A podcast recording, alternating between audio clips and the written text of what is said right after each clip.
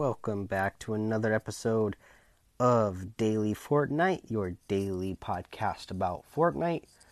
I'm your host, Mikey, aka Mike Daddy, aka Magnificent Mikey.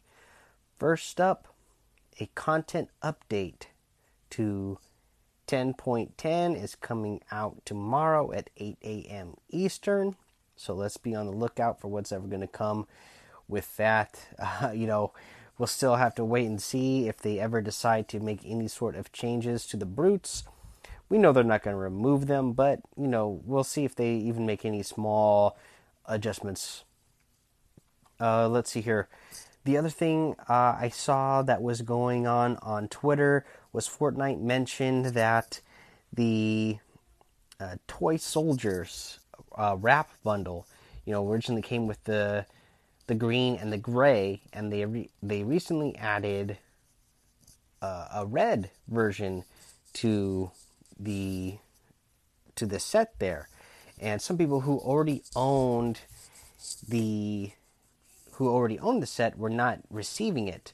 Uh, if you haven't, uh, don't worry. They said that they will be issuing those people the red version over the next few days.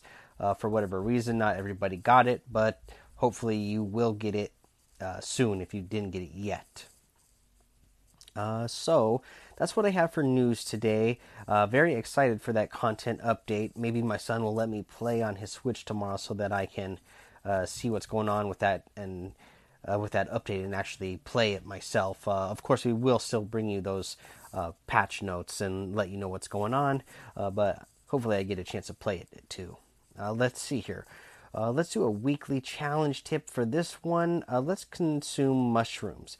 Uh, for this challenge, just uh, I like to head over to Lonely Lodge because uh, the there's a lot of the mushrooms that are condensed in a small area. So you should be able to get this challenge done pretty easily just by going over to the Lonely Lodge area. Of course, there are mushrooms still over, you know, in the Haunted Hills area. Uh, that that's another area where there there's a bunch, but uh, Lonely Lodge is the the best option that I find to get the mushrooms. Alrighty, guys, let's go ahead. We'll take a small break here, then we will come back. We will go over what's in the item shop and our tip of the day. Alright, if we look in the item shop today, we have a new set called the Metro Squad set. And in this set, you will get the Shot Caller outfit and the Metro machetes. I like machetes, so uh, I like that. The Shot Caller outfit, as far as I can tell from the, the picture I'm looking at, you know, it's a neat looking outfit. Uh, we got the Scully outfit, which I love, and the Scully splitter harvesting tool, which is a really good one. You got the sizzling emote.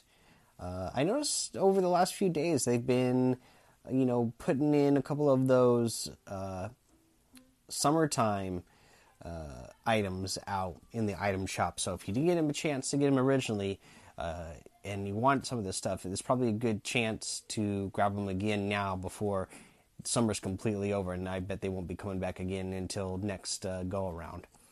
Uh, but also, we have the little whip outfit, the dab emote, the slick emote, the plunger harvesting tool, and the jungle scout outfit. If you guys are going to get any of the items in the item shop today, I would really appreciate it if you use that creator code Mike Daddy M M M I K E D A D D Y in the item shop because it does help support the show.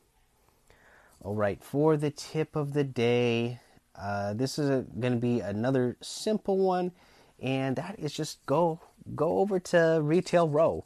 Uh, yeah, the, the horde is there, but that's actually a good thing because I find not a lot of people are landing there uh, right now, and a lot of people that I run into there seem to be very distracted because of the horde.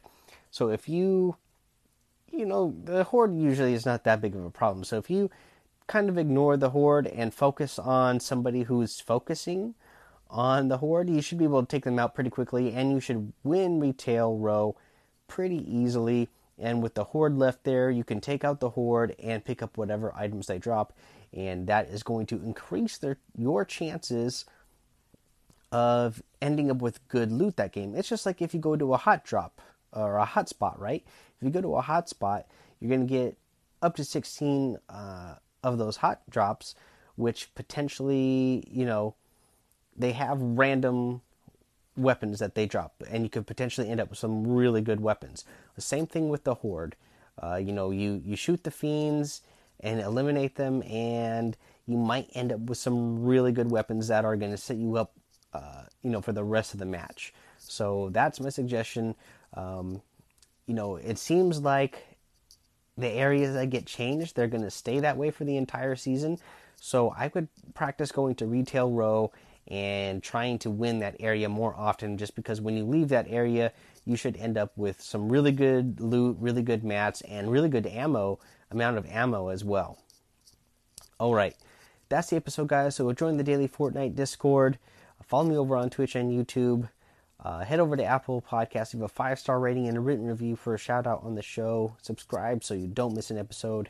And until next time, have fun, be safe, and don't get lost in the storm.